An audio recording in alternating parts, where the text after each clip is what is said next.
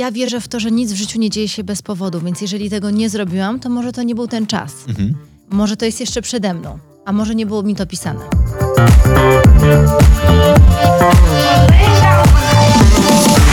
Nie ma dobrego i złego wyboru w tej kwestii. Każdy swoje życie i swoją karierę i to, jak chce być postrzegany w mediach, sam, sam tym kieruje.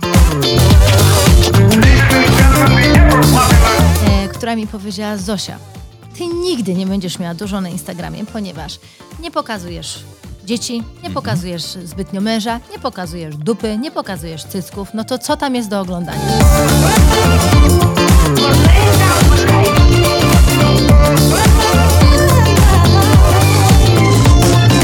Dziękuję Ci bardzo, że słuchasz mojego podcastu. Bardzo Cię proszę o drobną przysługę. Oceń moją audycję.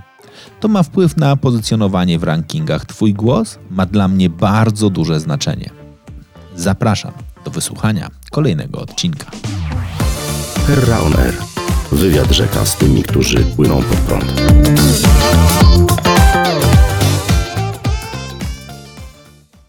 Są takie momenty, w których, gdy mamy rozmawiać o życiu na własnych zasadach, pojawia się gość, który, no właśnie, jak robisz research, jak szukasz informacji, jak zbierasz, to okazuje się, że to życie na własnych zasadach jest bardzo zaplanowane. Właściwie miała pomysł na siebie od początku. Przynajmniej tak mówią ludzie, którzy ją znają z dawnych czasów. Wiedziała, co chce robić, wiedziała, co ją kręci. I co najważniejsze, to nie były tylko takie marzenia małej dziewczynki, później nastolatki, ale dziś zrealizowane z pełną pasją. No i niektórzy mówią, że sukcesem.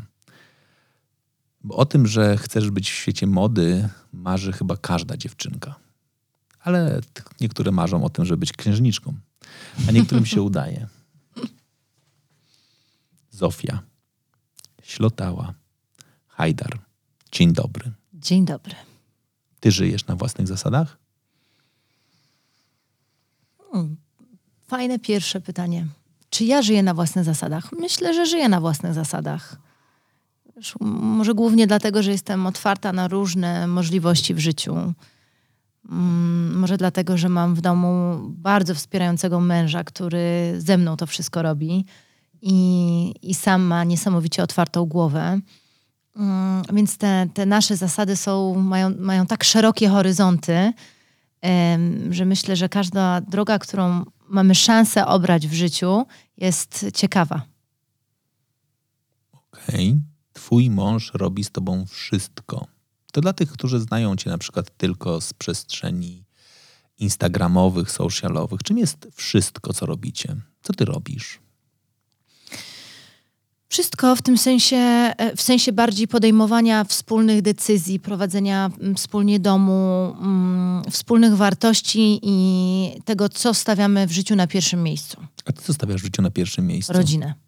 Ale ty wiesz, że to nie jest naturalne dla ciebie. Znaczy ten moment, jak, jak, jak się rozmawia z ludźmi, którzy cię znają i znali cię z czasów, kiedy byłaś na bankietach, w których się bardzo dobrze bawiłaś i byłaś absolutnie duszą towarzystwa i nagle pięknego dnia pojawił się moment pod tym bęk, pokazujesz kompletnie nową twarz. Będziesz rodzinna. Ale, ale ja nadal się świetnie bawię na bankietach i uwierz mi, że jestem duszą towarzystwa. A, ale każdy, wiesz, no każdy okres w naszym życiu ma swoje, e, swoje prawa i swoje zasady. I mm, mam to szczęście w życiu, że każdy z tych etapów przyszedł w odpowiednim miejscu, że ja w ogóle nie tęsknię za tym, co było wcześniej. Ja w ogóle nie jestem osobą, która by patrzyła do tyłu i myślała, a wow, ale wtedy to było fajnie. Ja to biorę jako doświadczenie, jako coś, co przeżyłam, coś, co stworzyło mnie osobą, którą jestem w tym momencie i idę do przodu. I to nie jest cecha, którą ja w sobie sama wyrobiłam, tylko cecha, z którą się urodziłam. I to jest przeogromne szczęście w życiu, ponieważ ja zawsze patrzę do przodu. I, em, I owszem, jak najbardziej, to co mówisz, co wcześniej było i osoby, które ty znasz, które znały mnie, nie mogę powiedzieć, że z poprzedniego wcielenia, no bo to nie jest poprzednie wci- wcielenie, tylko z poprzedniego etapu mojego życia, to się w stu procentach zgadza. Ale od momentu, w którym podjęłam świadomą decyzję tego, że tak, to jest ten czas, żeby założyć rodzinę. Poznałam mężczyznę mojego życia, który, e, który jest nie dość, że moim mężem, to jeszcze ojcem moich dwójki dzieci, naszych dzieci. To, to wiesz, to, to nagle w głowie bardzo dużo się zmienia i, i to u mnie naturalnie wyszło, że ja stawiam jednak tą rodzinę na, na pierwszym miejscu. I myślę, że to jest też coś, co zarówno ja wyniosłam z mojego domu, jak i Kamil wyniósł ze swojego. Mhm. Mimo pracujących rodziców. Wszyscy mieliśmy, yy, wszyscy rodzice zawsze pracowali. Jest takie powiedzenie, że bardziej żałujemy tego, czego nie zrobiliśmy, a chcieliśmy, niż tego, czego, co, niż tego, co zrobiliśmy. Ty tak masz? Czy masz przekonanie, że zrobiłaś wszystko, co chciałaś w danym momencie zrobić? Inaczej ja wierzę w to, że nic w życiu nie dzieje się bez powodu, więc jeżeli tego nie zrobiłam, to może to nie był ten czas. Mhm. Może to jest jeszcze przede mną, a może nie było mi to pisane. Mhm. A może jest coś jeszcze lepszego przede mną, co by się nie wydarzyło, gdybym to zrealizowała. Ja, u mnie zawsze jest szklanka do połowy pełna. Wiesz, ja jestem ogromną optymistką, więc nie ma, nie, nie siedzę i nie rozmyślam o tym, o kurczę, mogłam to zrobić, a nie zrobiłam. To po prostu nie było mi pisane. Okej. Jak daleko możemy się mimo wszystko cofać? Czy moment, w którym porozmawiamy o Mediolanie, to już jest zbyt daleka przeszłość, czy możemy do niej wrócić? Nie no, możesz cofać się do samego, samego początku. To jak wyglądał sam początek? No, urodziłam się w Warszawie, więc jestem rodowitą warszawianką. Em, mam bardzo, bardzo ciekawych rodziców, którzy wprowadzili e, ogromną ilość koloru do mojego życia, ponieważ e, mój tata jeszcze zanim ja się urodziłam, organizował koncerty. Mhm. Czyli ta muzyka w moim życiu zawsze, em, zawsze istniała, zawsze jej było dużo w domu e, i zresztą nadal jest, ponieważ teraz jestem żoną muzyka, więc tam ta muzyka dalej, dalej gra. I em, miałam zawsze bardzo ciekawy dom, gdzie się przewijało dużo osób i moi rodzice zawsze byli bardzo towarzyscy. E, I myślę, że to jest też coś, co, co, co ja wyniosłam i, i co, co funkcjonuje w naszym domu teraz. Później założyli pierwszą agencję reklamową w Polsce, więc przy tej kreatywności zawsze się kręciłam. Pamiętam, jako mała dziewczynka, jak przychodziłam do nich do, do firmy. E, pamiętam te wszystkie mm, boardy, które, storyboardy, które były powieszone, gdzie wiesz, no to były, to były złote lata 90. To wtedy się, to, to, to budżety, które były wtedy na reklamę, to było coś niesamowitego.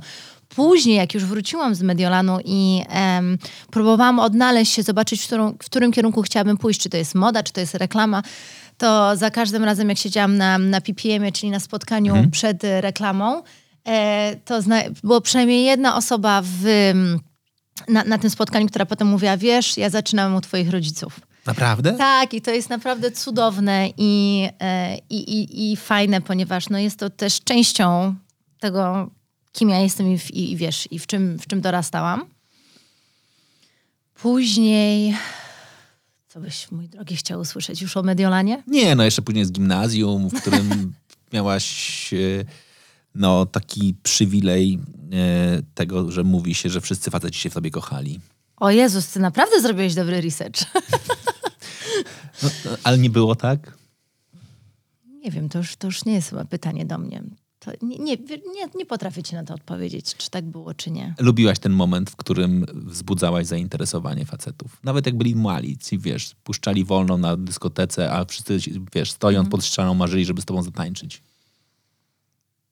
Ja myślę, myślę, że jeżeli masz wybór między tym, czy stać pod ścianą i, że, i, i, i czuć, że nie ma żadnej, brzydko to jest powiedzieć opcji, ale żadnego zainteresowania, a, a tym, że jednak możesz zatańczyć, a bardzo lubię tańczyć, Mhm. to oczywiście, że wybierzesz tą opcję. No, ale jak idziesz do świata młody, to masz świadomość, że idziesz w najbardziej konkurencyjny rynek. Tak, jak najbardziej, ale ja idąc na studia, mm, wiedziałam, że to jest moment, w którym muszę się spiąć i w którym muszę jak, z którego muszę jak najwięcej wynieść zarówno teorii, jak i praktyki. Mhm. Więc to był czas, w którym ja absolutnie zbastowałam mm, z wszelkimi imprezami i e, tylko skupiłam się w 100% na nauce, co zaprezentowało, ponieważ dostałam tam stypendium w trakcie jeszcze studiów. Później ukończyłam z wyróżnieniem, ale to tylko i wyłącznie dlatego, że wiedziałam, że te trzy lata muszę jak najwięcej zaczerpnąć, ponieważ to jest to, co może na polskim rynku mnie później odróżnić, ponieważ e, ja też wybierałam kierunek, wybrałam Mediolan, dlatego że mało Polaków wtedy było w Mhm. Mediolanie. E, Było bardzo dużo osób w Londynie. Mhm. Mm, jeszcze na stole był Nowy Jork, ale on był trochę za daleko dla mnie. Wiesz, jestem bardzo rodzinna, ja bym za bardzo tęskniła. Jednak w tym Mediolanie i tak tęskniłam za rodziną. Więc myślę, że to było taki ide, takie idealne połączenie po prostu tego, co, co chciałam robić. Więc, y, więc tam jak najbardziej mm, przysiadłam do tej nauki, wyciągnęłam z tego to, co mogłam. Ale jaki miałeś pomysł na siebie? Znaczy lecąc Mhm. do Mediolanu, w, tym, w tym momencie, w którym jakby myślisz o tym, kim będzie, no właśnie, Zosia po powrocie albo na miejscu, kim ty chciałaś być? To się przez cały czas zmieniało. Mhm. Dlatego, że jednak te studia bardzo dużo zweryfikowały, ponieważ tam mm, różnorodność przedmiotów, które były oferowane, bardzo dużo poukładały mi w głowie, ponieważ zarówno miałam tam fashion stylist, czyli to, to czym, z czym przyjechałam, czym chciałam się zajmować, e, miałam fashion communication, fashion networking, ale miałam też fashion design, y, textile technology, gdzie się uczyłam o materiałach. I ironią losu jest to, że zawsze zarzekałam się, że nigdy nie będę projektowała i że są o wiele bardziej kreatywne osoby ode mnie, które, które idą w tym kierunku, ja się tym nie będę zajmowała. I taki textile technology mi się nigdy nie przyda. Tak teraz jest to coś, co najbardziej mi się przydaje z tego, co wyniosłam y, ze studiów, ponieważ założyłam własną markę i się tym zajmuję. Em, Natomiast y, też rękami i nogami broniłam się, żeby nie siedzieć w tym networkingu, w marketingu, a jednak to były przedmioty, z których miałam najwyższe oceny. No, może to dzięki rodzicom. Możliwe, albo miałam do tego smykałkę, wiesz, nie, jakby też no, nie jestem w stanie ocenić skąd to się wzięło, natomiast, y, natomiast y, wychodziło mi to, ale wiedziałam, że to nie jest kierunek, którym chciałabym pójść. Mm, y, Ukończyłam stylizację z wyróżnieniem, dostałam y, tam wtedy em, zaproponowali mi staż.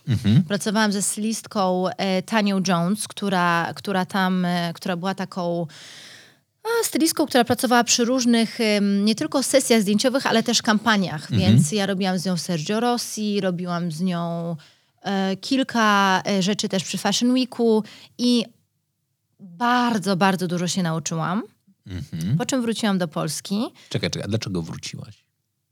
Bo to nie jest takie oczywiste. Znaczy, Dla- z perspektywy biznesu, w którym chcesz być, którego się uczysz, dokładnie są na świecie trzy miejsca, w których można być.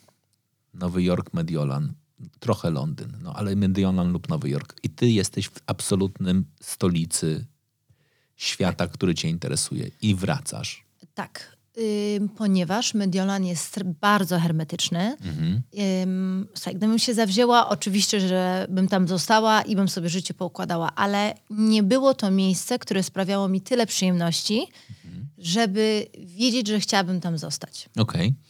A ja jednak w życiu kieruję się tym, że oczywiście praca jest ważna, ale no chyba chcesz przez życie przejść uśmiechając się i, i, i będąc szczęśliwym i mając przyjemność z tego, co, co robisz. E, więc postanowiłam wrócić do Polski. Mm, miałam na horyzoncie jeszcze wyjazd na, e, na magisterkę do Paryża i to był taki połączony, wiesz, Paryż i Paryż, Florencja, bo to były trzy lata, czyli to był Paryż, Florencja i Szanghaj. Mhm. E, ale wpadłam w taki wir pracy, będąc tutaj w Polsce, że już zostałam. Mhm. Nie I widzisz, i, i, to jest to, i to jest dokładnie odpowiedź na twoje I teraz, pytanie. I teraz to ku, kusi cię, żeby jeszcze Nie, właśnie, pojechać, no czy, i- czy żałujesz, że nie pojechałaś? Czy w W ogóle, masz... ogóle nie żałuję, ponieważ gdybym pojechała, Mhm. to ja nie wiem, czy ja bym poznała Kamila. A to ładne. Więc, więc tak nie żałuję. Na pewno jeszcze pojadę. Nie, w Szanghaju jeszcze mnie nie było, ale na pewno pojadę. Może nie będzie to na studia, ale na pewno, na pewno jeszcze pojadę. A w Paryżu byłam w kilku innych miłych, przy kilku innych miłych okolicznościach. Więc tak samo jak we Florencji. Patrz, Florencja, e, mimo że nie pojechałam tam na studia, to teraz jadę tam na targi wystawiać się z moją marką. I to są już światowe targi. No więc coś może, wiesz, mimo tego, że nie wykonałam tam tego planu, wraca to w innej postaci. Mhm. A gdybyś wykonała tam ten plan? No to nie wiem, czy, nie, nie wiem, co by się wtedy wydarzyło. Tego nie wie nikt. No dobra. Wr- wr- wracasz do Warszawy, wpadasz w wir pracy. Tak, i jestem asystentką Agnieszki Ścibior w Viva Moda, e, która jest przecudowną osobą. Em, natomiast Aga jest e, prawdziwą e, postacią z Diabeł ubiera się u Prady. Więc to jest wcielenie Anny Wintour w polskim wydaniu. Więc zostałam przeczołgana na lewo i prawo, za co jestem jej ogromnie wdzięczna, ponieważ tą całą teorię, którą ja wyniosłam e, w Mediolanie, mogłam u niej przełożyć w praktykę. I taką najtrudniejszą, ponieważ dzięki temu, że było tak ciężką u niej, ona była tak wymagająca, to dzięki temu ona jest nadal top w Polsce, a ja byłam w stanie później już zacząć sama funkcjonować i, i pracować na swoje własne nazwisko. Pracujesz na własne nazwisko? Pracuję. A co robisz, żeby ono się budowało tak, jak ty chcesz, żeby się budowało? Wiesz, ja już wyłączyłam takie myślenie. Już nie, ja, ja o tym nie myślę jako. no bo w, na czymś musisz w życiu się skupić. Nie, nie, nie można ciągnąć 100 srok, sróg za ogon. Dlatego mm, dla mnie to już nie jest kwestia wyrabiania marki Zosia Ślotała-Hajdar, tylko uważam, że to będzie wynikowa mojej pracy, czyli to, na czym się skupiam i to jest e, Petit Maison, czyli moja marka. Kiedy do tego doszłaś? Bo to dojrzałe jest. Tak, yy, i tak, i trochę mi to zajęło, muszę przyznać. Na pewno to były długie rozmowy yy, z Kamilem, który mi bardzo poukładał w głowie, ponieważ my jesteśmy jak woda i ogień. Wiesz, ja jestem Czekaj, kto jest ogniem? Ja wiadomo, nie wiem czy słyszysz tą rozmowę. Ja jestem porywcza, już bym robiła tu, teraz, poznawała 100 tysięcy osób, ubieram się na kolorowo, dzieje się, wyjeżdżam, robię i tak dalej.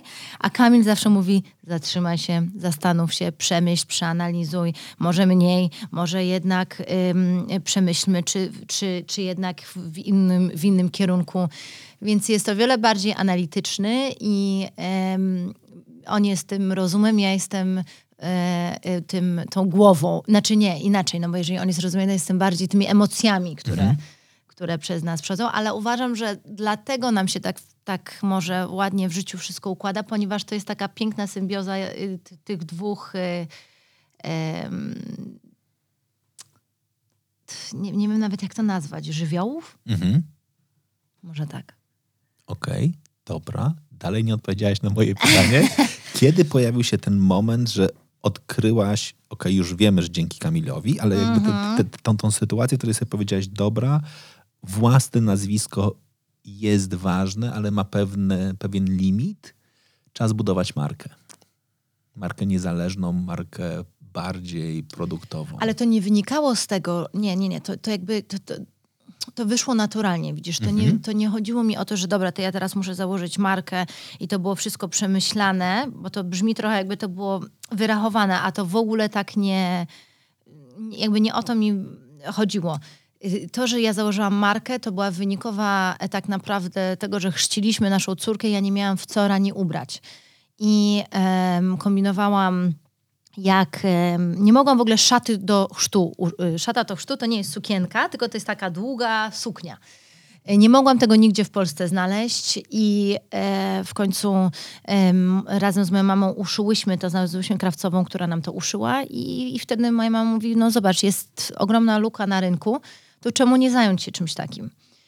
E, Jak wpadłam na ten pomysł, porozmawiałam z kilkoma osobami, to wszyscy mówili, stuknij się w głowę, nie dość, że ubrania dla dzieci, e, to jeszcze dodatkowo w luksusowym wydaniu, no, że to są dwa rynki, których nie da się połączyć, to nie wyjdzie i w ogóle zapomnij o tym.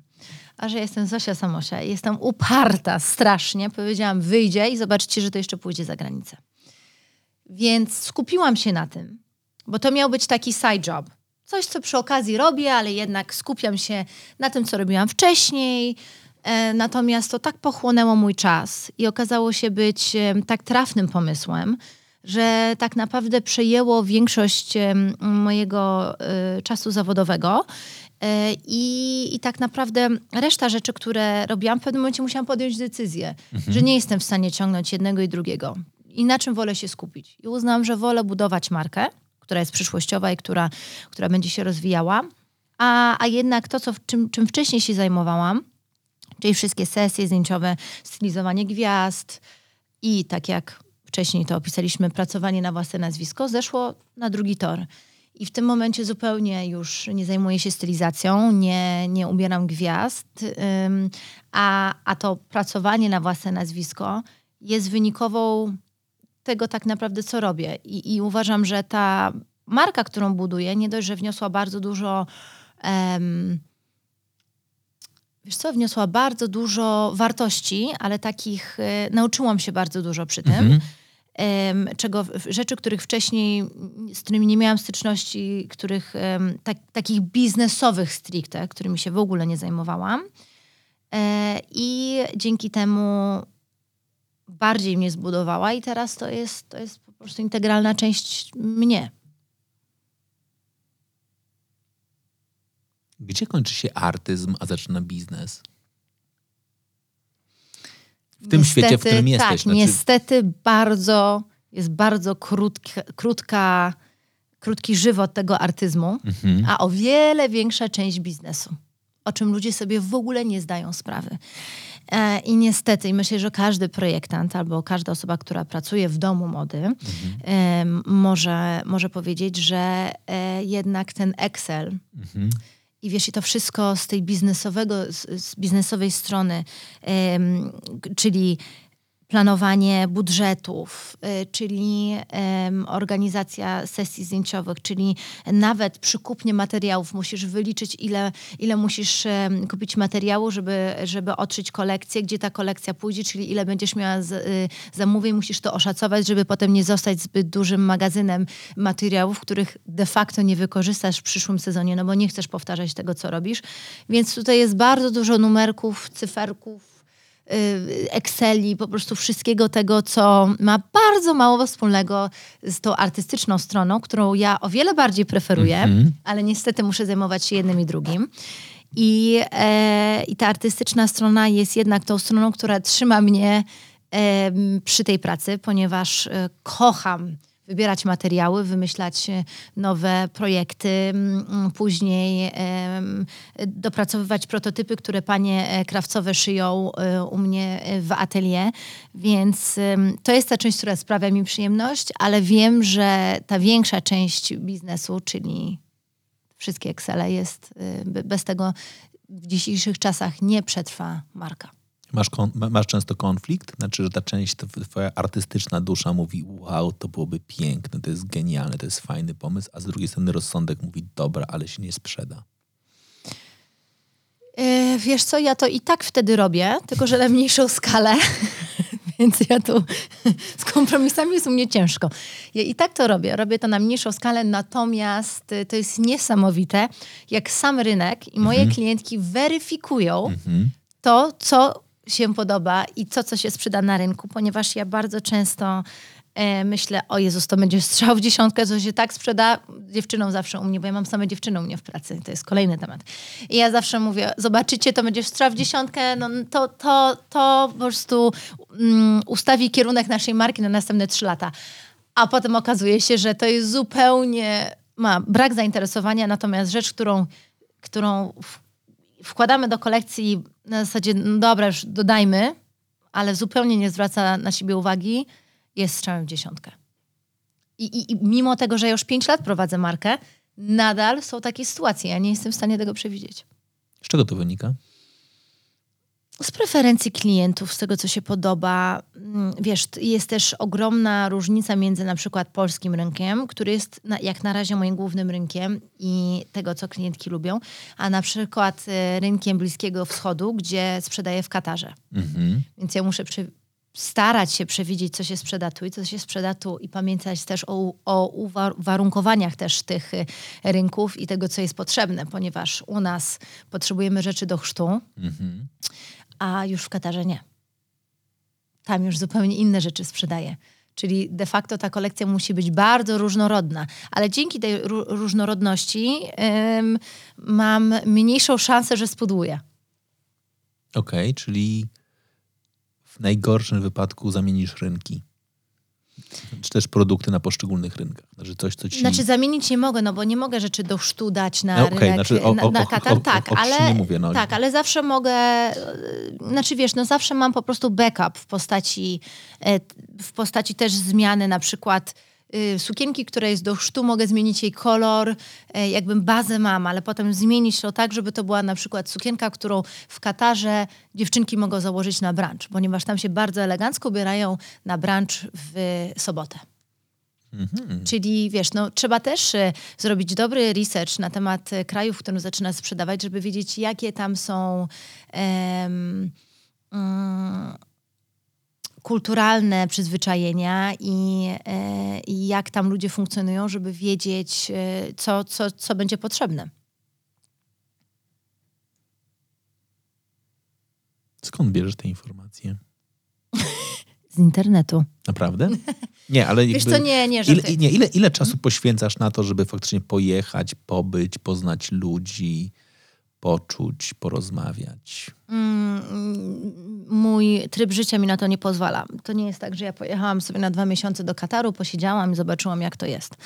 Ponieważ em, wiesz, to trzeba sobie w zupełnie inny sposób radzić. No, ja mam tutaj dwójkę dzieci i biznes do prowadzenia, więc niestety to, y, to odpada. Aczkolwiek byłoby bardzo miło, więc na pewno taki trip do Kataru chętnie zrobię jest przede mną, ponieważ już od dwóch lat tam sprzedajemy. E, natomiast e, wiesz, to wszystko opiera się jednak na ogromnym researchu, który ja robię i właśnie to wyniosłam z moich studiów n- w Mediolanie i to, było, to jest najważniejsza rzecz. Ja zawsze powtarzam, że jednak moda się na tym opiera. Musisz zrobić przeogromny research. I czy jesteś stylistką, która musi znać najnowsze trendy, albo jakie będą trendy, mm, albo co wszyscy projektanci mają w najnowszych kolekcjach, czy jak jesteś projektantem i musisz e, i opierasz się na tych najnowszych trendach, bo ja akurat tego nie robię, mam, idę w zupełnie innym kierunku, ponieważ ja mm, sprzedaję taką klasykę. e, W, w, oczywiście w wydaniu dziecięcym. Czyli analizujesz trendy i idziesz pod prąd. Może nie pod prąd. Oczywiście czasami wprowadzam mm, jakieś trendy, ale to nie jest tak, że ja ślepo za nimi e, kroczę i e, patrzę, co się sprzeda, co się nie sprzeda. Bo tutaj też trzeba sobie odpowiedzieć na pytanie, czy jesteś za slow fashion, czy jednak uważasz, że, e, że, że te trendy. Że to jest pozytywne, czy to jest jednak, czy to negatywnie w, wpływa na dzisiejszy świat. Bo jednak ten konsumpcjonizm goni. Mhm. A ty jesteś gdzie? A ja jestem poniekąd pomiędzy. W mojej marce zupełnie nie, e, nie, nie idę za trendami.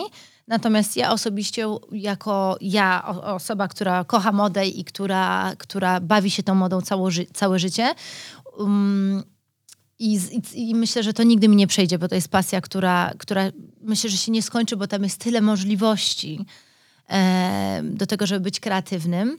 E, uważam, że nie wolno ślepo dążyć za tymi trendami, ponieważ po pierwsze, nie każdy trend pasuje do ciebie.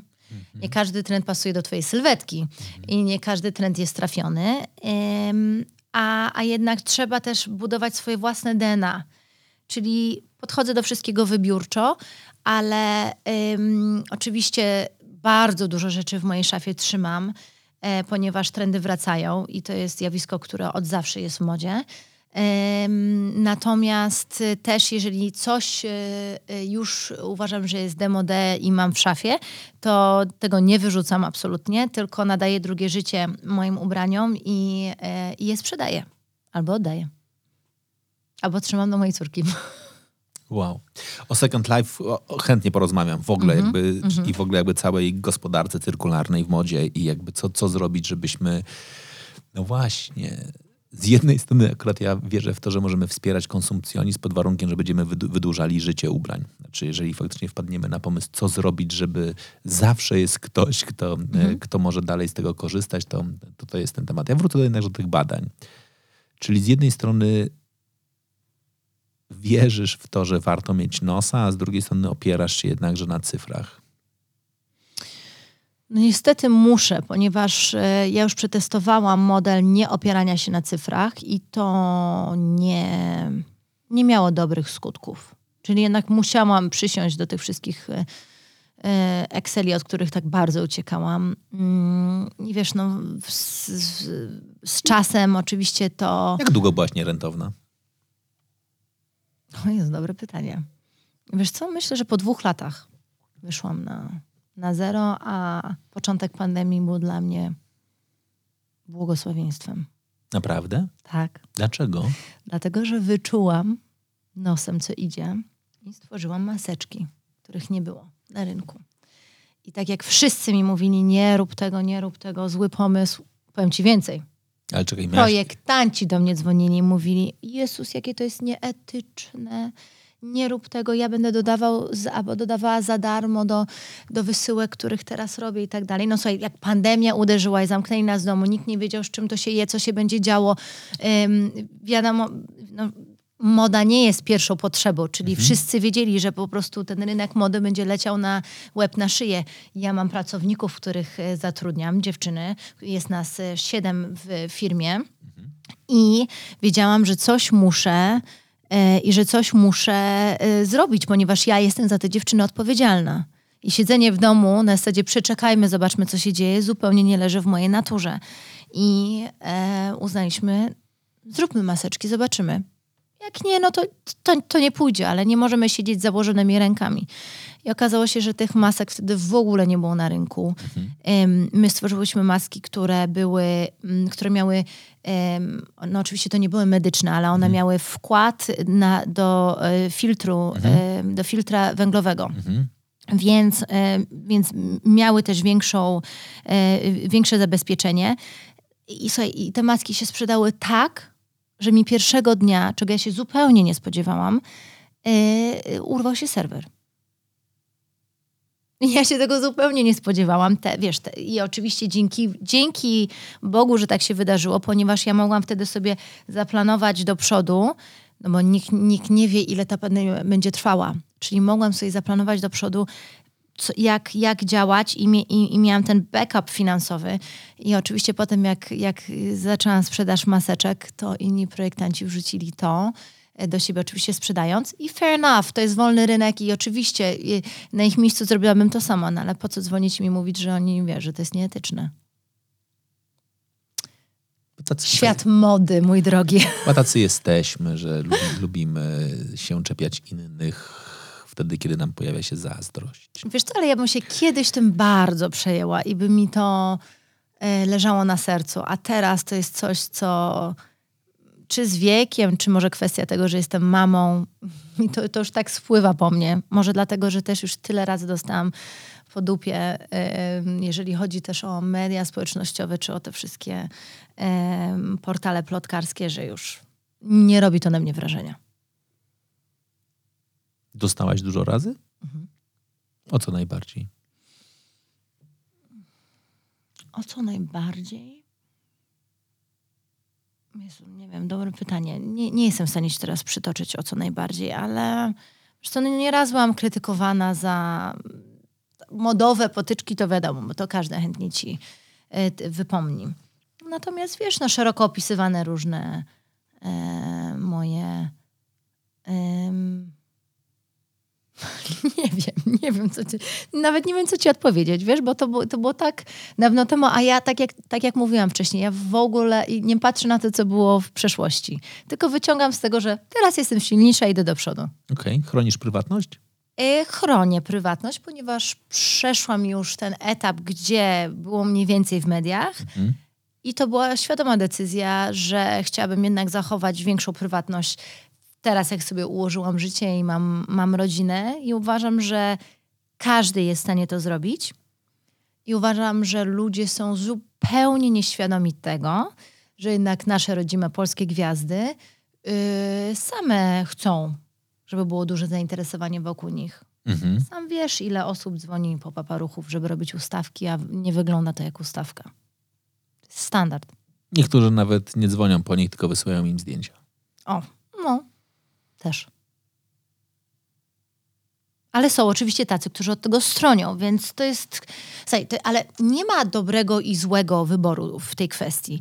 Każdy swoje życie i swoją karierę i to, jak chce być postrzegany w mediach, sam sam tym kieruje. Więc, e, więc ja myślę, że to jest, to jest po prostu kwestia wyboru i kwestia tego, co chcesz osiągnąć. Mhm.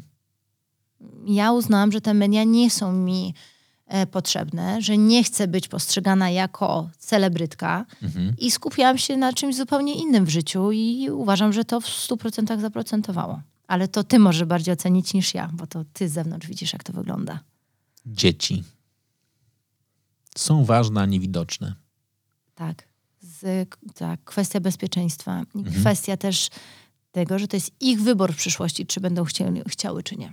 No właśnie. Kiedy, jak sobie myślisz o tym, wejdzie ten moment, kiedy oni przyjdą lub też one i, i będą mówiły, dobra, to, to my teraz byśmy chcieli. Wiesz co, już padło pytanie, mamo, czemu nie pokazujesz naszej twarzy? Aha. A no, ale ja wytłumaczyłam dzieciakom, że to jest kwestia bezpieczeństwa, kwestia tego, że świat jest tak brutalny w dzisiejszych czasach, że nie chciałabym, żeby jednak te zdjęcia latały po internecie i to znowu, to jest wybór każdego z nas i e, ja absolutnie tutaj nie chcę krytykować osób, które są publiczne i które pokazują swoje dzieci, no bo wiesz, no to jest tak, tak osobista decyzja. My mieliśmy takie, a nie, inne przygody w naszym życiu, że uznaliśmy, że jednak jest to, jest to dla nas priorytet, żeby dzieci były bezpieczne. Mhm. Więc, y, więc taką decyzję podjęliśmy. A ja też nie widzę potrzeby, żeby moje dzieci były na przykład gwiazdami YouTube'a albo, albo szły w tym kierunku. Y, A jeżeli w przyszłości zdecydują, że jednak chcą się odnaleźć w tym show biznesie, okej, to będzie ich decyzja, a ja, a, a moją, w mojej kwestii będzie wspieranie ich. Mhm. Kiedy, tam, kiedy ten, ten temat może się pojawić, twoim zdaniem? Oj, nie wiem. Nie wiem, czy w ogóle się pojawi. Znaczy pytam o to, bo to jest Mhm. jakby... Ja mam synów, tak? Jeden ma 13, drugi ma 11 lat i kompletnie widzę inny, inny, inny pomysł. Jeden ma pomysł na to, że nigdy w życiu nie będzie się pokazywał i on faktycznie jakby Mhm. dba o to bardzo mocno, żeby, e, żeby się nie pokazywać. Drugi ma pomysł, że on z kolei chce, tak? Mhm. I, i, i no, wiesz, no to, jest, to nie jest łatwa rzecz. Znaczy ten moment, kiedy sobie myślisz, dobra, zabronić nie mogę, szczególnie, że też widzą mnie, że ja jestem do, dostępny dość łatwo. Więc, y, a z drugiej strony mam, mam takie pytanie, właśnie dokładnie to, które ty zadajesz, to jest bezpieczeństwo. To jest jak to zrobić, jak mu pomóc, jak go nauczyć, jak go wyedukować. Świat nie pomaga. Tak? Znaczy jakby niestety jego koledzy, którzy się pojawiają, mamy media bardzo dynamiczne, mamy TikToka, który jest bardzo szybkim medium, gigantycznie rosnącym i tak dalej. Ograniczenia jakieś mają, typu od którego wieku możesz być, nie możesz być. I wiesz, i zastanawiam się, jak jesteś w tym świecie, który jednakże jest oparty o wizerunek, tak? I on jest naprawdę bardzo świadomy tego, tak? To ja- jak ty do tego podchodzisz, ale też jak, na przykład jak podchodzi dokładnie jakby, nie wiem, twoi przyjaciele, znajomi, w którym momencie my sobie mówimy, dobra, musimy się zmierzyć z tym, że dzieci są autonomiczne, że to są ich decyzje, konsekwencje muszą wziąć sami na siebie i my możemy ich tylko gdzieś tam starać chronić, ale i tak nie podejmujemy, tym, nie podejmiemy tych decyzji za nich. No to jest, wiesz, no, jak w jakikolwiek sposób zabronisz, to nie wiem, ja paliłem papierosy za górką, bo mi rodzice nie pozwalali, więc myślę sobie, że dzisiaj mój, mój syn mógł mieć, nie wiem, nielegalnego TikToka, tak? I przecież nie będę mu weryfikował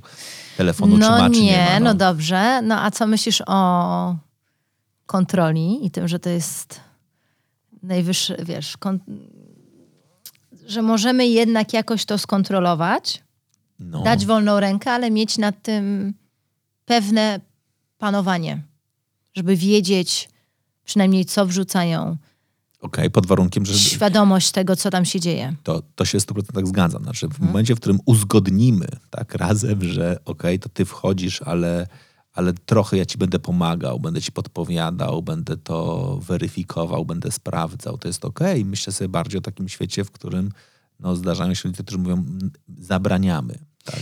Nie, no ja uważam, że wszystko jest dla ludzi w odpowiednim e, czasie i w odpowiedniej ilości, więc e, na pewno, na razie to moja córka męczy nas o telefon, którego nie ma oczywiście, bo ma 6,5 lat, więc, e, więc nie widzę też potrzeby, żeby, taki, żeby, żeby telefon miała, więc na razie to są takie tematy. Ona oczywiście wie, że ja prowadzę Instagrama, Mm, TikTok u nas nie, nie funkcjonuje. E, Natomiast e, nie ma tak, że ona sobie, nie wiem, szpera po Instagramie, czy tam przegląda Insta Stories. To, jest, to w ogóle nie jest nic, co by, co by się działo w domu. To, że ja czasami nakręcę jakieś story albo, albo em, mu- m- muszę, nie wiem, wrzucić e, jakiegoś posta, to ja wtedy mówię, że pracuję. Mhm. Że to jest część po prostu mojej pracy. Em, natomiast jestem przekonana, że przyjdzie taki moment, kiedy dzieci będą jednak chciały założyć media społecznościowe, ponieważ inne dzieci będą miały. E, I uważam, że to jest kwestia po prostu rozmawiania z, z dzieciakami, co staramy się robić dużo w domu, e, i tego, że wytłumaczenia, jakie są pozytywne strony tego, negatywne, co może być niebezpieczeństwem w co może stanowić niebezpieczeństwo w, w mediach społecznościowych, ponieważ no już nieraz słyszeliśmy o różnych akcjach, które działy się na Instagramie czy właśnie na TikToku. I ja myślę, że to jest. No wiesz, rodzic też musi nauczać, y, nauczyć się ufać dzieciom. Mhm. No bo rodzic też dojrzewa razem z dziećmi. Mhm. No i teraz trzeba sobie to po prostu chyba jakoś w życiu poukładać. Ciężkie, ciężko jest mi odpowiedzieć na pytanie, ponieważ ja się jeszcze z tym nie zmierzyłam. To jest jeszcze przede mną. Trochę mnie to przeraża, nie ukrywam, ponieważ jednak jeżeli tak bronimy ich em, em, twarzy i tego, żeby się nigdzie nie pokazywali, no to nie wiem, czy to będzie moment i od razu to się wszędzie pojawi, że o, córka, y, córka Zosi e, czy, czy syn Zosi. Nie wiem, jest mi to ciężko przewidzieć. A z drugiej strony, jak sobie na to patrzysz, to domyślam się, że jest pokusa, żeby z kolei twoi klienci byli, mieli inne wartości. Znaczy, jak myślę sobie, że ktoś kupuje ubrania dla dzieci u ciebie, Mhm. To cieszy cię moment, kiedy je eksponuje, kiedy je pokazuje i kiedy jeszcze dodatkowo używa hashtagów i kieruje do ciebie. Tak, jak najbardziej. Tylko pamiętaj, że to są osoby, y, które ja oczywiście ogromnie szanuję za to, że są moimi klientami, y, natomiast są to osoby, które nie są y, medialne. Mhm. Czyli są to osoby po prostu prywatne, czyli są mniej nastawione, wystawione na powiedzmy strzał. Okej. Tak. Tak bym może to widziała. Więc oczywiście no poniekąd to się na tym się opiera y, y, w mediach społecznościowych moja marka, to, że te ubrania są potem pokazywane i że ludzie je zakładają.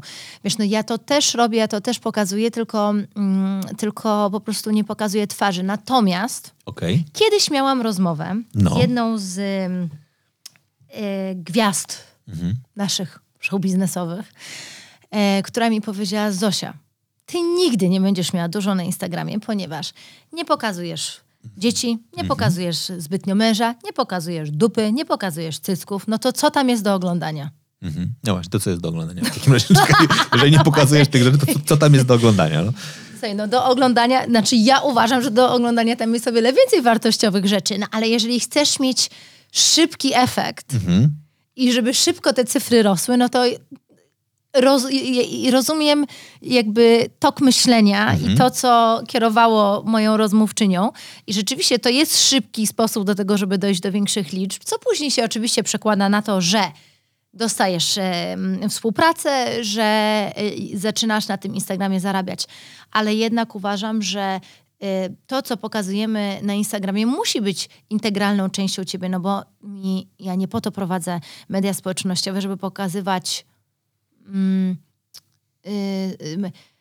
rzeczywistość, która jest wykreowana, tylko pokazuje po prostu to, to, co się dzieje w ciągu mojego dnia, jak się toczy moje życie, fajne momenty.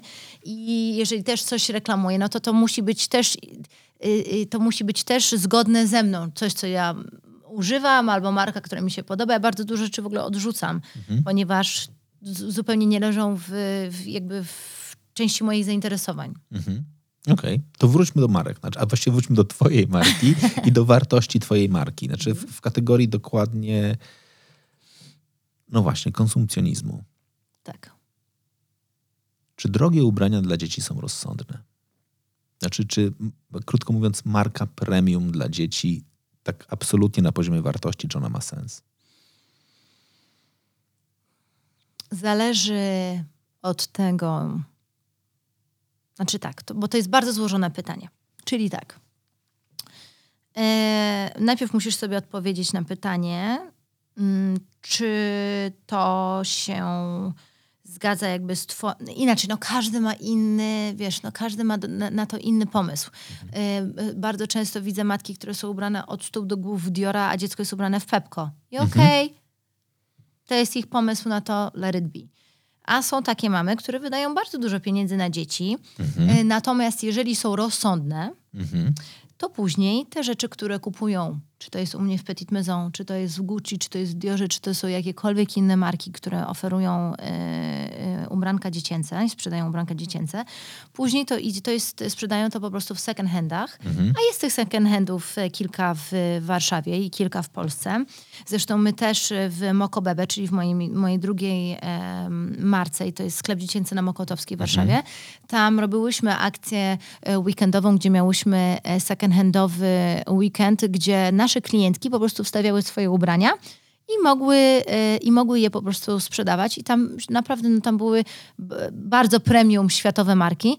I to było świetne, ponieważ te ubrania, umówmy się, te dzieci wyrastają z tego w 2-3 miesiące. Mhm. Mało tego, masz ubranie, które nie jest ubraniem codziennym. Tak. Znaczy, czym innym jest używany dres dziecka, w którym biegało codziennie, w cudzysłowie, i jeździło w nim na kolanach non-stop, Mhm. a czym innym jest sukienka, którą zakładała na No specjalne dobrze, okazje. no ale tutaj się nie zgodzę, no bo to wiesz, to jest, to, to, to ludzi jest tyle, ile- jest możliwości, czyli masz takich ludzi, którzy e, w ogóle nie kupują rzeczy luksusowych, masz takich, którzy kupią Sukien- raz sukienkę, na przykład powiedzmy u mnie na chrzest, ponieważ Mhm. to jest e, wyjątkowa okazja, a masz ludzi, którzy kupują tylko dresy Gucci Okej. dzieciom. I one zdzierają sobie w tym kolana i oni, zaczekaj, i oni z tym zupełnie nie mają problemu. Ja, Czy ja bym miała z tym problem? To jest inna kwestia. Ale jeżeli oni sobie na to mogą pozwolić, pozwolić im to sprawia przyjemność, to, to już wiesz, to, jest, to już leży w ich kwestii. Nie, ja bardziej mówię dokładnie, to, że ktoś koja- kolana w dresie, w dresie Gucci jest dla mnie totalnym luzem, znaczy to jest absolutnie jakby w, w kategorii faktycznie, no właśnie wtedy, no, jakbyśmy sobie policzyli jakby value for money, to, to przynajmniej była sytuacja, w której masz pełne przekonanie, że to zutylizowałeś. Znaczy, wiesz, a jak kupujesz ubranie na specjalną okazję, tak, to nawet jak jesteś dorosłym czasami, to sobie myślisz, że dobra, kupujesz suknię na specjalną okazję, założysz ją dwa razy, później faktycznie masz jakiś pomysł, że musisz ją gdzieś albo trzymać w szafie i mieć wyrzuty sumienia, albo w jakiś dobry sposób nadać jej drugie życie. No to w przypadku dziecka czasami nie zdążysz nawet na tą drugą, drugą okazję, bo ono wyrośnie, na, zanim się zorientujesz. No. Już tam pomijam chrzest, tak, Okej. bo, bo dbasz o to, żeby nie było ich więcej, ale No dobrze, ale y, w, y, no to na przykład jak sprzedaję ubrania na chrzest, no, to ja bardzo wierzę w tradycje pokoleniowe. I my mamy taką opcję u nas, z, z której kilka klientek już korzystało, em, gdzie możesz do środka wszyć tasiemkę, na której wyhaftowane jest imię dziecka i datę i potem przekazujesz tą sukienkę bądź szatę do chrztu. Em, kolejnemu pokoleniowi, czyli dzieci twojego dziecka, które były w tym chrzczone, nakładają to i potem można dohaftować imię i datę. wow, czyli to jest taki naprawdę I wiesz co, ale patrz, turbo second life, nawet w takim sensie, że chrzczę, później chowam na 28 Aha. lat i przekazuję w pewnym momencie swojemu dziecku, jak już jest dorosłe, żeby widzę, on, że to- bardzo to- to- to- optymistycznie to- patrzysz na te 28 lat. Rozumiem, że dlatego, że jesteś ojcem. to trzymało i za 28 lat będzie mogło ochrzcić swoje dziecko, chyba że zakładamy, że w rodzinie wszystkie dzieci są chrzczone w tej samej, w tym samym, w tej samej szacie i To już, słuchaj, to już każdy, to jest czas. to już każdy sam de- decyduje. Jest to totalnie nie biznesowe z mojego punktu widzenia, no bo ponieważ ja bym chciała, żeby ten klient wrócił i kupił następną, następną i następną.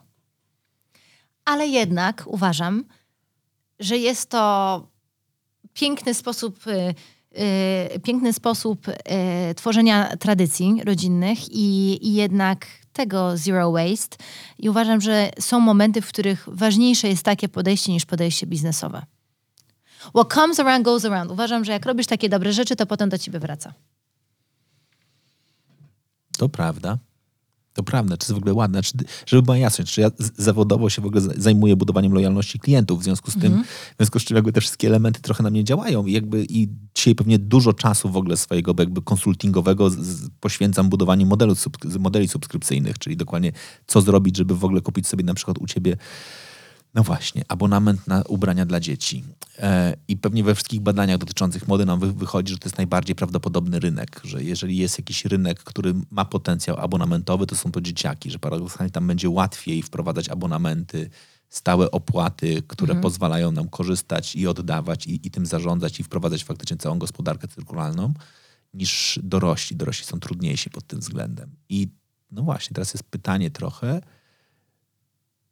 czy klienci mają opcję u ciebie zostaw w rozliczeniu? Znaczy nie, to nie chodzi mi kompletnie o kasę, tylko ten moment w kategorii czyszczenia sumienia, bo ja totalnie wierzę w czyszczenie sumienia. Tak o, ostatnio jak się przeprowadzałem, akurat jesteśmy w nowym miejscu, miejscem wyczyszczenia sumienia dla mnie było Serce Miasta, czyli fundacja w Warszawie zajmująca się ludźmi w kryzysie bezdomności, którym oddałem, właściwie w tym roku zrobiłem taką nową rzecz dla mnie, czyli wywaliłem wszystkie rzeczy z szafy i spojrzałem na nie i powiedziałem, te ubrania są dla bezdomnych.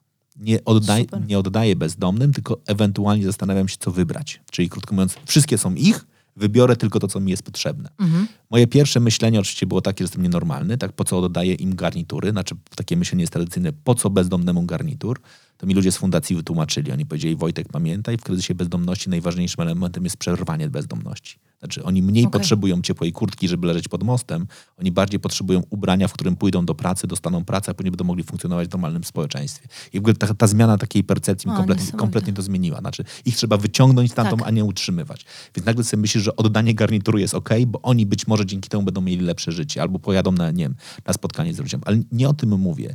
Mówię o tym, że dla mnie czyszczenie szafy w ten sposób było elementem faktycznie wewnętrznego oczyszczenia się w takim rozumieniu ja mam przekonanie, że robię dobro. Tak? Znaczy, że oddaję swoje ubrania, nie wyrzucam ich na śmietnik i teraz, żeby oczyścić szafę, żebym mógł kupować nowe rzeczy, muszę najpierw oczyścić sumienie. Znaczy, jak nie mam przestrzeni, w której oczyszczę Tak. sumienie, nie mam motywu do tego, żeby kupić nowe rzeczy. A jak powiedziałem, dobra, oddałem, być może straciłem trochę pieniędzy, ale z drugiej strony zdobyłem kilka punktów do tego, że być może pójdę do nieba łatwiej, to nagle mam pustą szafę i mam przestrzeń na to, żeby kupować. Teraz myślę sobie, że dokładnie z tej perspektywy jednym z elementów, które będzie mi zachęcało do tego, żeby wydawać trochę więcej na ubrania dla dzieci, jest to, że jeżeli będę miał czyste sumienie, że na przykład nie zaśmiecam planety. Tak? Że dokładnie jest ten moment, że dzięki temu, że kupiłem wysokiej jakości ubranie, wrócę do was i powiem, dobra, to ja wam oddaję, dzięki temu kupię kolejne.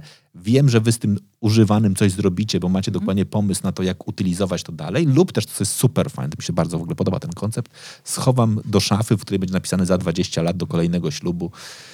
Mam nadzieję, że nie będzie on wcześniej. Znaczy ślubu, chrztu, chrztu mam nadzieję, że on nie będzie wcześniej i gdzieś to sobie, gdzieś to sobie pójdzie. No właśnie. Czy ty w ogóle wierzysz w to, że ludzie przy podejmowaniu decyzji mają takie myślenie w kategorii, myślą trochę szerzej niż ten konkretny moment, w którym ładnie ubiorą dziecko w wyjątkowy sposób, czy myślą w ogóle dokładnie szerzej, o kurczę, to ja muszę jakoś jeszcze to tym zarządzić, muszę pozbyć tej szafy, muszę coś z tym zrobić i tak dalej. Może zacznijmy od tego, że tworząc markę Petit Maison, ja od początku wiedziałam, że chciałabym, żeby to była marka mm, premium, Mhm. y, co wiąże się z korzystania, z jakby z szycia z lepszych materiałów. Mhm. Co wiąże się z tym, że jeżeli to jest jakościowo lepsze, to będzie ci dłużej służyło. Mhm. Czyli nie idziemy w ilość, tylko idziemy w jakość. Mhm. I e, od samego początku się tego trzymałam, e, mimo tego, że wszyscy się pukali w głowę. I uważam, że to absolutnie ma rację bytu i dalej w tym e, kierunku idę. E, I może dlatego też bardziej zaczęłam od rzeczy e, eleganckich. Teraz idziemy bardziej, no bo to też zweryfikowała niesamowicie pandemia, że jednak potrzebne są te, życie, te rzeczy casualowe, e, które oczywiście będą w moim bardziej eleganckim stylu, ale jednak będą, będą bardziej codzienne. Ale ja też nie chcę odszywać tych rzeczy, e, żeby mieć pełen magazyn, stok i nie wiadomo ile tego, żeby później zastanawiać się, co z tym robić, gdzie to upchnąć i gdzie to, nie wiem, wyprzedać, czy żeby to po prostu zalegało, ponieważ to jest problem rynku modowego. To, że tych stoków jest też tak duża ilość, że jednak, no bo mm, z biznesowego punktu widzenia wolisz, żeby e, mieć więcej i żeby ci zostało trochę, niż żeby e, była potrzeba e, albo mm, zamówienie na kolekcję, a ty mówisz, no niestety wyprzedało mi się to. Jak, jakbyś spojrzał w Excel, to to ci się wtedy złoży. Natomiast uważam, że to jest nieetyczne. I znowu, to jest mało biznesowe podejście dla mnie. E, em, i, i dla mojej marki, ale, ale, ale jednak to jest, y, to jest to moje myślenie, jak stworzyć, żeby jednak ten, ten, ten przemysł y, modowy nie był drugim najbardziej zanieczyszczającym przemysłem świata. Mhm. Czekaj, myślisz o tym, dlaczego to jest y, lepsze? Nie, właśnie zacząłem się zastanawiać, że w takim razie ty jesteś. Ty, ty teraz właśnie powiedzieliśmy o jednej bardzo ważnej rzeczy. Przy takim modelu biznesowym, jak ty masz, koncept preorderów jest fajny. Znaczy, gdybym Tak, ja, ja to mam. Gdybym ja się u ciebie zobowiązał, że moje dzieci będą rosły do jakiegoś roku życia i możemy w związku z tym założyć, że ja będę potrzebował nowe ubrania mniej więcej co 8 miesięcy, bo taki jest cykl wyrastania z, z rozmiaru u nich. I ja bym z tobą się umówił, Ale nie myślisz modowo. W moim przypadku pamiętaj, że to jest, że jak na rynek, jak na rynek e, dziecięcy, to ja mam modową markę. Coś takiego mógłbyś zrobić w marce, która na przykład ma ubrania, że dziecko może nosić na co dzień do szkoły, do przedszkola, a jednak te rzeczy moje są y, mają zupełnie inny wymiar, więc nie wiem, czy by to... ale ci ufam. Znaczy, jeżeli byśmy Mhm. przyjęli taki model, że ja ci ufam, że każda kolejna kolekcja będzie trafiona, No to możesz tak zrobić na przykład z sukienkami albo ze strojem na święta.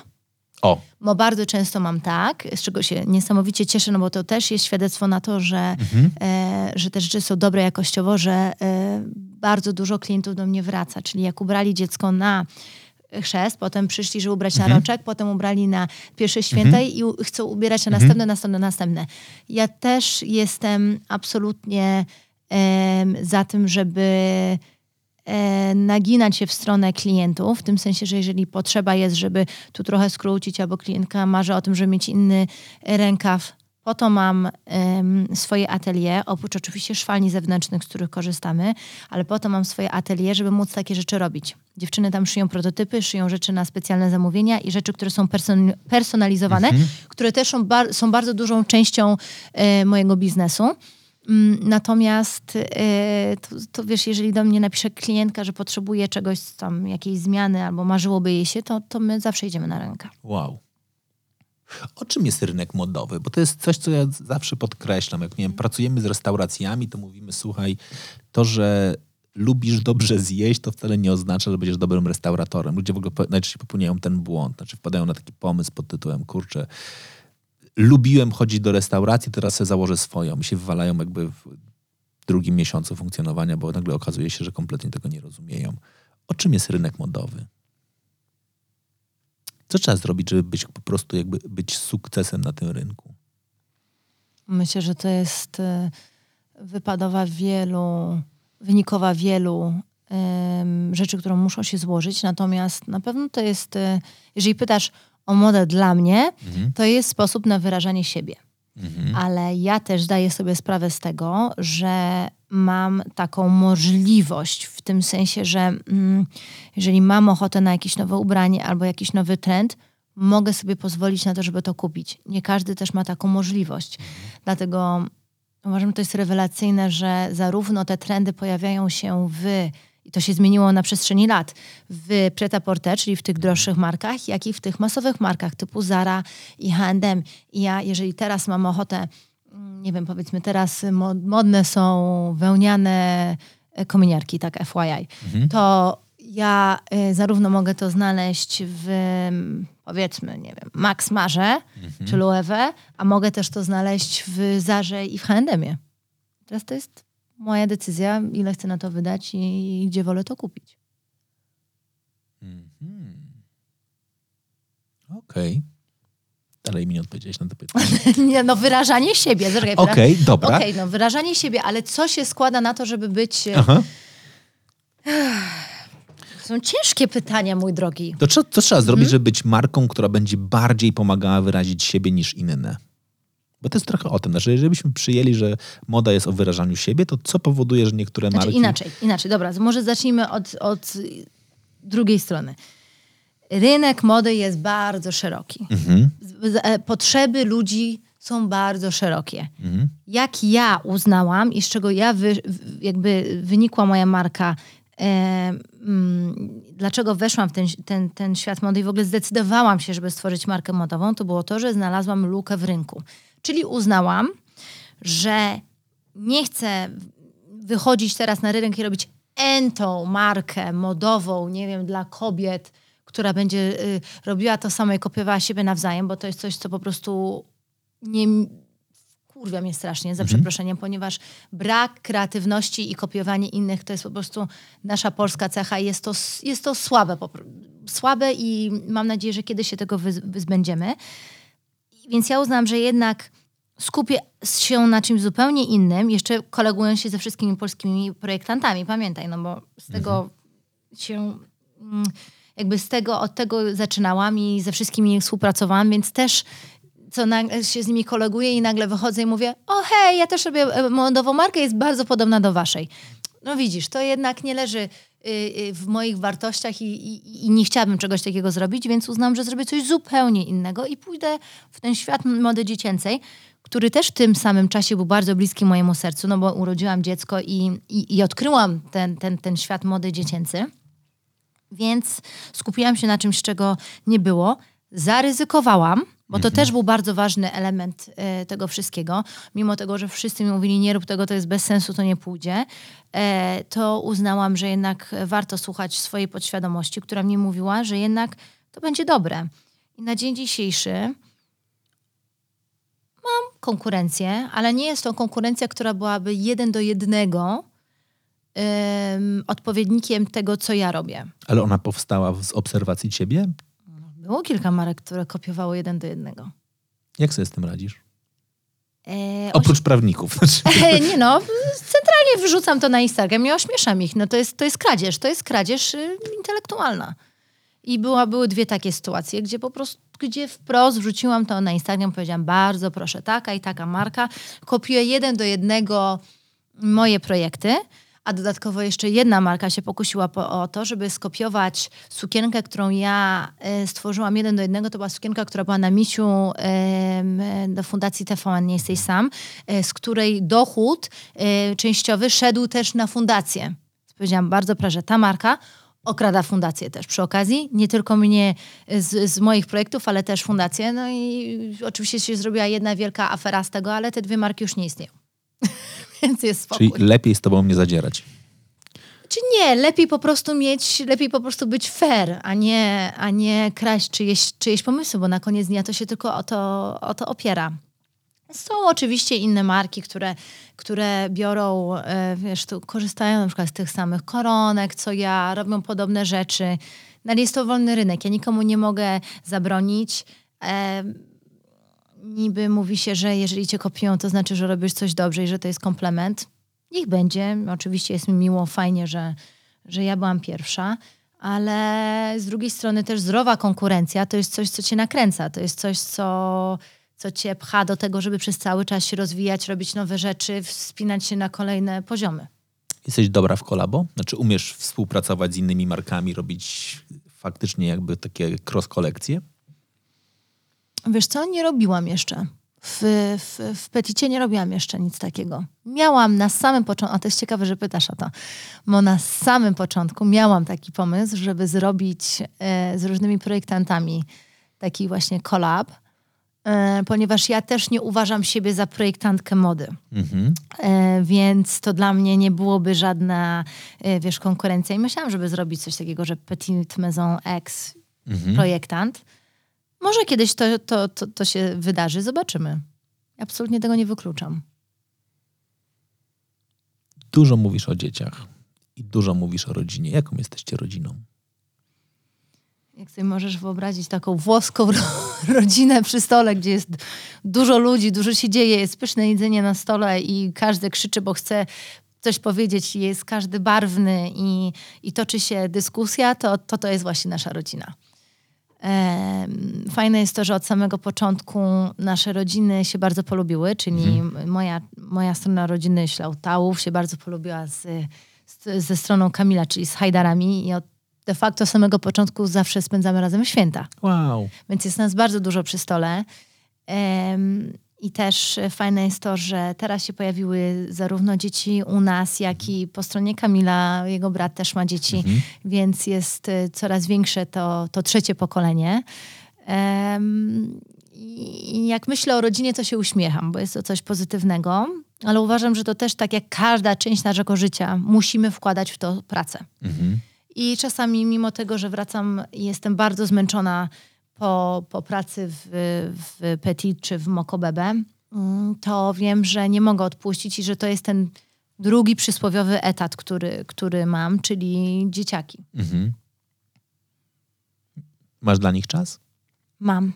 Mam i, i wiesz, i to, jest, i to jest kwestia odpowiedzenia sobie na to, co jest twoim priorytetem w życiu. Mhm. A po drugie, ten work-life balance, czyli po prostu to, uważam, że to jest najtrudniejsze, a zarazem najważniejsze w życiu moim, czyli w życiu mamy, żeby znaleźć ten odpowiedni balans, ponieważ i muszę mieć czas na dzieci, i muszę mieć czas na męża, Mhm. i muszę mieć czas na pracę, i czas, żeby się spotkać ze znajomymi, i muszę też mieć czas dla siebie. Jezkus, dziękuję bardzo. Znaczy, jak, jak zaczęłaś wymieniać te wszystkie rzeczy, to pomyślałem, nie, znaczy to będzie kolejna fejkowa wypowiedź, ale dziękuję, że powiedziałaś o sobie. Wiadomo. Muszę też mieć czas dla siebie. I to jest. y, I to jest coś, co, ale wiesz, ja to zauważyłam dopiero w momencie, w którym nie miałam tego czasu dla siebie. I sobie tak myślałam, Jezus, co, po prostu co, co, co jest nie tak, czego mi brakuje. Y, I byłam coraz bardziej, coraz bardziej, coraz bardziej zmęczona. I to był taki etap w moim życiu, gdzie ja miałam na przykład wyrzut sumienia, jak szłam do fryzjera, czy na przykład jak szłam na paznokcie, bo, bo, bo przecież to jest takie nie wiem, niepotrzebne, czy to jest, wiesz, robiłam sobie raz, że wyrzuty sumienia, a dwa, że usprawiedliwienia, bo przecież potrzebuję to do pracy, bo to jest część mojego e, imidżu. Wiesz o co chodzi? A tak naprawdę nie. To jest coś, co mi sprawia przyjemność i to jest mój czas. Amen. Bo tak jest. Znaczy jest. tak jest i my bardzo często dokładnie zaczynamy w momencie, w którym dbamy o, sie, o, o siebie, mamy albo potrzebę uzasadnienia tego, czyli do, dobudujemy, bo to jest element, nie wiem, naszego wizerunku. No nie, to nie jest wizerunek. Znaczy to on, okej, to może być elementem wizerunku, ale jest dokładnie tym czasem, którym po prostu robimy coś, co jest dla nas bardzo ważne. Co ci dzieci wypomną z tego okresu, w którym są w tej chwili? Wszystko. Znaczy, dzieci mówiąc, są, o, o czym będą opowiadały terapeuci za 20 lat? Znaczy, wiesz to dzieci są, no sam wiesz, że dzieci wyłapują jako pierwsze wszystko, co się dzieje, co jest nie tak, a że my dużo czasu spędzamy razem. My staramy się z Kamilem nie prowadzić przy nich rozmów, czy to zawodowych, czy jakichś, wiesz, takich, które nie chcemy, żeby, żeby same podsłuchały, ale to jest moment, żeby, żeby dzieci coś, coś wyłapały. Em, co mogą mi wypomnieć? To, że siedzę na telefonie za dużo. O, Mhm. Przyznaję się bez bicia. I co tam robisz tym telefonie? Co robię w telefonie? No, przeglądam sobie, patrzę, czytam, czy wejdę na one, czy wejdę na Instagram, czy em, po prostu trwonie czas. I, i, I tego rzeczywiście muszę się wyzbyć. E, I staram, i to jest coś, nad czym staram się pracować. A jeżeli pytasz się o czas, który ja spędzam, czas, który ja spędzam sama i poświęcam sama dla siebie, i to jest coś, co też e, Kamil wie, że to jest mój czas i szanuje, i wtedy on ogarnia dzieci, to jest jak jeżdżę na, obo- na obozy sportowe. I mnie nie ma. Siedem dni, nie ma mnie w domu, nikt do mnie nie dzwoni z żadnymi problemami, to jest czas, który ja w stu procentach poświęcam na siebie. Jeździsz na obozy sportowe? Tak. I ćwiczę. To piękne. Od kiedy w twoim życiu jest sport? Od zawsze. O, to jest od dziecka, wiesz, od, od małego. Ja dawniej grałam w tenisa, jeździłam na nartach w WKN, Warszawskim Klubie Narciarskim. Em, jeździłam na, na obozy tenisowe, bo rzeczywiście kiedyś grałam cztery razy w tygodniu. Więc y, tańczyłam, więc ten sport zawsze był. E, I później na studiach em, nie zadbałam o to. I to był taki element, którego mi bardzo brakowało. I e, później coś mnie tknęło, jak, jak zaszłam w ciążę i powiedziałam, że po ciąży będę musiała wrócić jednak jakoś do, e, do z powrotem do figury i do mm, po prostu sylwetki tego, żeby się dobrze czuć sama ze sobą. A do tego był mi potrzebny sport i takim wiedziałam, że to jest moment, w którym no, mu- muszę na, trochę się przedstawić, przedstawić i nauczyć takiego zdrowego trybu życia, żeby to jednak był mój lifestyle, a nie coś, co wprowadzę tylko na chwilę. Ponieważ wiadomo, że chciałam to przełożyć też na, dzie- na, na, na dziecko, to jak będzie się potem dziecko odżywiało i tak dalej. I to było ogromnie cię- ciężkie dla mnie, szczególnie to odżywianie. E, ale to też był taki moment w życiu, gdzie e, poznałam się z Anią Lewandowską Mhm. i to właśnie do Ani jeżdżę na obozy. E, I od niej się bardzo dużo nauczyłam, jeżeli chodzi o, o zdrowe odżywianie, o suplementację. No ona, on, to jest wszystko, te wszystkie wykłady, które są też na tych obozach, bo oprócz ćwiczenia tam też Ania i specjaliści, którzy przyjeżdżają, robią wykłady. E, uznałam, że wiesz, jeżeli to jest czas, który ja jestem poza domem, nie jestem z dziećmi i nie jestem w pracy, no to muszę go w, dobrze wykorzystać, więc uważnie siedziałam na, na tych wykładach i zawsze wracam do domu z czymś nowym, co staram się wprowadzić. Się chciałem spytać, czy po powrocie jesteś nie do zniesienia? No, czy, że... Wiadomo, wiadomo. Pamiętam, że po pierwszym obozie wróciłam, mówię, Jezus, Kamil, jest coś takiego jak masło i musimy to wprowadzić. On mówi, co? A ja zawsze na początku patrzę na te wszystkie zmiany, mówię, ty jesteś jakaś szurnięta, bo ja szybko, trzeba wszystko wyciągnąć z tej lodówki, wymieniamy wszystko. E, I oczywiście, wiesz, z pięciu rzeczy, które, które chcę wprowadzić, no to dwie się utrzymają, e, a trzy, a trzy nadal nie, no ale to jest, to jest proces. Więc ym, on już się, teraz, teraz już się nie dziwi, bo już tyle razy byłam na tych wyjazdach, że już się nie dziwi. Czy on wie, z czym nowym wracam. Najtrudniejszy dobrze- pierwszy tydzień. Jak już przeżyjemy pierwszy tydzień, później wszystko wróci do normy. Dokładnie. E, A poza tym teraz sam, e, sam się bardzo dobrze zna, a za Anią, więc to nie jest tylko już z mojej strony naciski, A. tylko sama Ania mówi, Kamil, musicie to zmienić. Więc yy, zresztą to są też fajne rzeczy, które, które też mm, to, mm, my mamy taką zasadę w domu, że to co, my, to, co jemy my, to też dzieci jedzą. To nie ma tak, że dzieci mają coś osobnego, a my osobnego, ponieważ one muszą próbować nowych smaków i nie wybrzydzać generalnie, Wow, bo to bardzo życie ułatwia. to prawda. Więc, y, więc one same też, y, te, te wszystkie nowości, które my, wp- ja wprowadzam, staram się wprowadzać. Kamil czasami też, bo on też stara się zdrowo żyć. Y, To, to, to dzieciaki też mają wprowadzane do swojego życia codziennego. Ale też nie jestem taką mamą, która żyje bez glutenu, bez laktozy i bez słodyczy, umówmy się. No ja nie wiem, szczerze mówiąc. Znaczy, Nie. jak, jak jesteś pod tak silnym wpływem, wpływem Ani, no to ja tam nie wiem, jakby... Nie, nie, ale, nie, ale mój, wiesz co, mój... E, e, kocham jeść, to jest przede wszystkim, przede Okej. wszystkim to jest, to jest primo, więc uwielbiam dobrze zjeść i e, mimo tego, że oczywiście da się dobrze zjeść bez laktozy, bez glutenu i bez e, cukru, ale jednak stek to stek. Okej. No i to z jest, moje, frytkami, z sosem bernez. to, jest, to jest moim zdaniem absolutnie jakby bardzo, bardzo do, dobra definicja tego, jak podchodzimy do diety. Z tego oczywiście musi być dobry. tak, tak. Tylko nie może dominować w diecie, ale od czasu do czasu czemu nie? Powiedziałaś, że w firmie zatrudniasz tylko kobiety. Tak. Dlaczego? Dawniej w ogóle nie potrafiłam się dogadać z kobietami. Mhm. To jest coś, co mi się zmieniło po urodzeniu dziecka. I zresztą po jeżdżeniu na te obozy, gdzie są same kobiety. Jest nas 96 przeważnie, więc są same baby. I e, to mi też otworzyło trochę oczy na to, że da się z kobietami dogadać. Więc y, z czasem, z doświadczeniem spokorniałam też. To jest ważna też część tego wszystkiego. I to myślę, że mnie nauczyło tego kontaktu z kobietami i z kobietami mi się lepiej pracuje. Dlaczego? Ciężko jest mi odpowiedzieć. Może to jest też dlatego, że bardziej czują ten temat, dlatego, że bardziej czują temat y, dziecięcych ubrań. Em, mamy taki team, gdzie, em, gdzie te dziewczyny się wszystkie ze sobą niesamowicie dogadują. Oczywiście nie było tak od samego początku, tylko kilka zmian musiało nastąpić. Natomiast e, ja zawsze mówię, że Petit Maison to nie jestem tylko ja, tylko to jest cały zespół Petit Maison i wszystkie ciężko na to pracujemy. Mam ogromne szczęście, że dziewczyny, które pracują u mnie w firmie, e, e, tą firmę traktują jak swoją własną. I to jest rewelacyjne, że one razem ze mną to wszystko przeżywają, ponieważ ja w kontekście biznesu nie potrafię w 100% wyłączyć emocji. Mimo, że powinnam, wiem, bo to jest bardziej biznesowa, ale nie potrafię i, i czasami wiadomo, że przeżywam różne rzeczy albo kieruję się emocjami yy, i one mnie w tym niesamowicie wspierają, więc może dlatego się bardziej dogaduję. W pracy, w pracy. O wszystkim i o wszystkich, o których mówisz podczas tej rozmowy, mówisz pozytywnie. To nie jest normalne w Polsce. nie obrobiliśmy jeszcze nikomu tyłka. Nie powiedzieliśmy jeszcze o, o żadnej sytuacji, w której, nie wiem, coś ci się nie udało, bo przez kogoś, bo to jego wina i tak dalej, i tak dalej. Skąd ty to masz? Ja mam bardzo niepolskie podejście do życia. Myślę, że z domu to wyniosłam. Myślę, że dużą częścią tego jest fakt, że dużo z rodzicami podróżowałam. Mhm.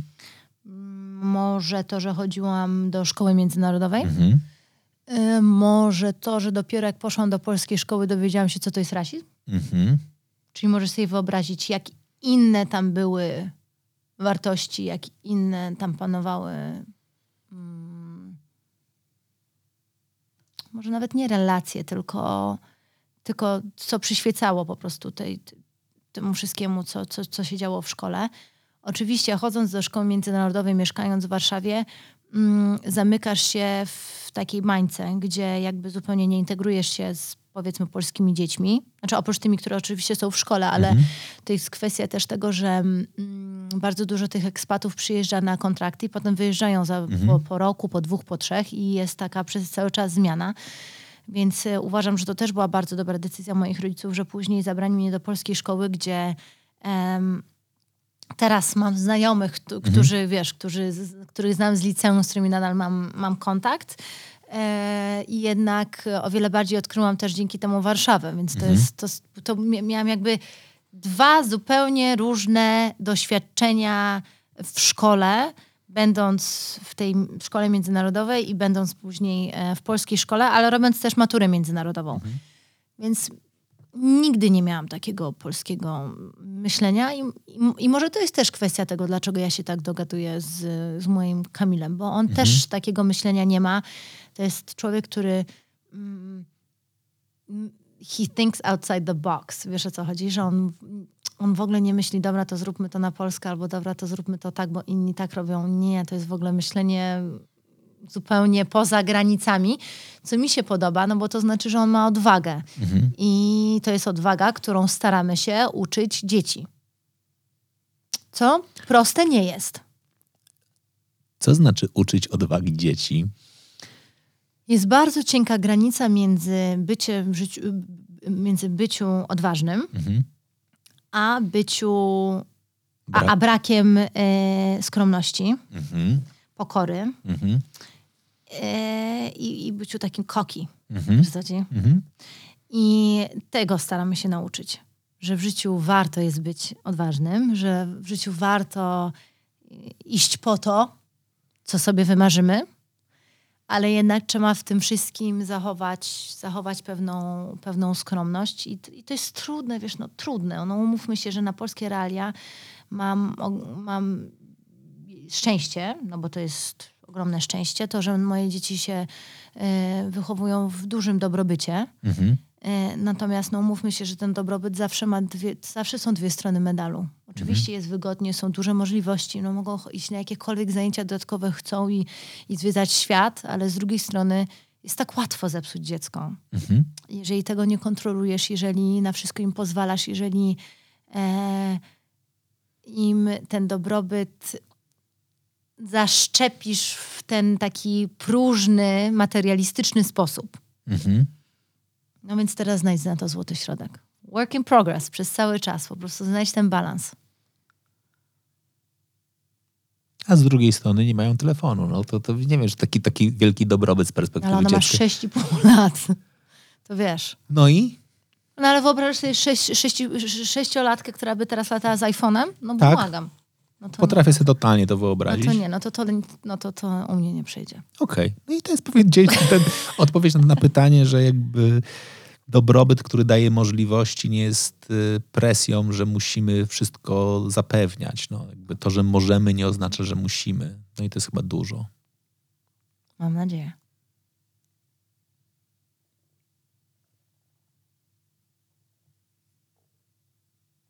I to jest dobry moment na to, żeby postawić kropkę.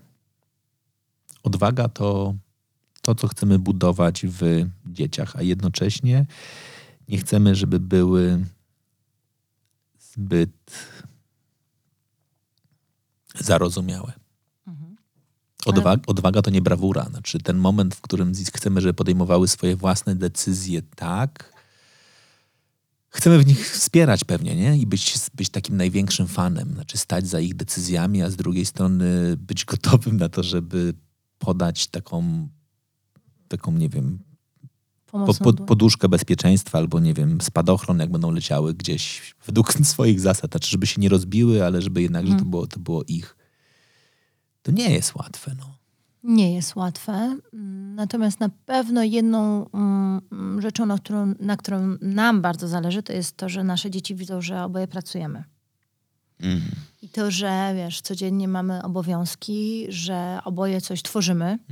Mm. No bo Kamil też, to jest fajne, że oni widzą, wiesz, no yin i yang, no bo to jak, jak zresztą spojrzysz na mnie na Kamila, no to ja kolor, wiesz, kolorowo ubrana blondynka, a Kamil zawsze na czarno, długie, rokowe włosy i... i to nawet widać po tym, jak wyglądamy, ale też e, fakt, że wiesz, ja tworzę modę, więc oni przychodzą do mnie do, do atelier i e, do pracowni, widzą, co się dzieje, jak się dzieje, przychodzą do sklepu, a, a zarazem idą na przykład na próbę e, do Kamila, gdzie jest zupełnie inny świat, gdzie, gdzie wchodzą na przykład do studia. Ostatnio byliśmy, ponieważ teraz nagrywa kolejną płytę, byliśmy u niego w studio i no i wiesz, i akurat sekcja bębnów była, perkusji mhm. była nagrywana, gdzie to bardzo często są różne orientalne brzmienia u, mhm. u Kamila. I perkusista, który akurat y, nagrywał, pokazywał wszystko dzieciakom e, i one były niesamowicie zainteresowane. Czyli też mają styczność z, wiesz, z tą muzyką i z czymś zupełnie innym, co ja im pokazuję, no bo ja bym takiego świata nie była w stanie im pokazać. I, i, i myślę, że to jest też fajne, że, że, że widzą też różne, wiesz, rzeczy. Który świat ich bardziej kręci? myślę, że to się, myślę, że to się zmienia. Wiesz, no na przykład Rania y, chciałaby z jednej strony iść w modę, mhm. wiadomo, ale z drugiej strony chciałaby być lekarzem tak jak dziadkowie. Wow. Czyli jak moi teściowie. Y, więc na razie jest na tym etapie. Leo chce być e, ninja, o, okay. wojownikiem. No to... Okej, okay, więc tutaj ciocia Ania y, może podszkolić go ewentualnie. O. E, czy to się zmieni? Nie wiem. Podejrzewam, że jeszcze ze 100 razy. E, natomiast wiesz, no to są fajne marzenia i niech myślę o tym kreatywnie i, e, i myślę, że no, przez cały czas, wiesz, będzie im się to w, w głowie zmieniało. Pytanie, w którą stronę też będą mieli e, uwarunkowania, no bo to wiadomo, że mhm. to jest jedno. A dwa, no co ich w życiu będzie kręciło, no bo nie jesteś tego w stanie przewidzieć. Wczoraj Rania, Rania na przykład jak zasypiała, e, tam rozmawiałyśmy, ona mi zadała pytanie, a gdzie ja będę studiowała? Mhm. Ja mówię, Rania, ja nie wiem, gdzie ty będziesz studiowała, no bo to jest jeszcze daleka droga przed nami. Ja nawet nie wiem, gdzie ty będziesz chodziła e, do liceum. E, ale będziesz studiowała tam, gdzie ty wybierzesz i tam, gdzie się dostaniesz. No bo ja tego za ciebie nie zrobię. Mhm. Więc to jest też kwestia tego, że no jednak dzieci muszą się same postarać o kierunek, w którym chciałyby iść, no bo to nie będzie im dane na tacy, ani załatwione. To ładne. Ja im życzę, żeby kiedyś tu przyszli i chcieli opowiedzieć o życiu na własnych zasadach. O tym, że jednak, że faktycznie... O traumach z dzieciństwa. Nie, tam traumy z dzieciństwa to sobie, wiesz, o, jakby to, to, sobie wyjaśnią. Wcześniej czy później pójdą sobie, wyjaśnią to u terapeuty i będzie, będzie okej. Okay. Najprawdopodobniej, najprawdopodobniej tylko tam wyjaśnią tą historię, że niby mieliśmy wszystko, nie mieliśmy telefonu, jak mieliśmy 6 roku, ale generalnie... iPhone'a, nie mieliśmy, Max. Nie, nie, nie mieliśmy iPhone'a i generalnie to, to życie wcale nie było takie fajne, a te bębny to grały nieczysto. Tam musieliśmy pójść na próby i, i tyle. I tak to, e, tak to wyglądało. Dziękuję ci bardzo. Ja bardzo dziękuję za fajne pytania. Z czym wychodzisz z tej rozmowy? z uśmiechem na twarzy, wiesz, bo tak, taką zrobiliśmy wiwisekcję mojego życia od samego początku i myślę, że jest fajnie tak, tak sobie słucham. Znaczy naprawdę słucham sobie ciebie z dużą przyjemnością. Mam takie na pewno przekonanie, że poszłaś swoją drogą i ta droga jest bardzo twoja. I ona dalej sprawia, że się uśmiechasz. Bardzo się cieszę. Dziękuję ci bardzo. Dzięki bardzo. A Was? Was oczywiście zachęcam do tego, żebyście no, ocenili tę rozmowę. Dajcie im trochę gwiazdek, być może napiszcie komentarz i co najważniejsze, no, zaproście swoich znajomych do tego, żeby jej też posłuchali. I dziękuję Wam bardzo, że doszli do tego momentu. Słyszymy się w kolejnej rozmowie. Do zobaczenia.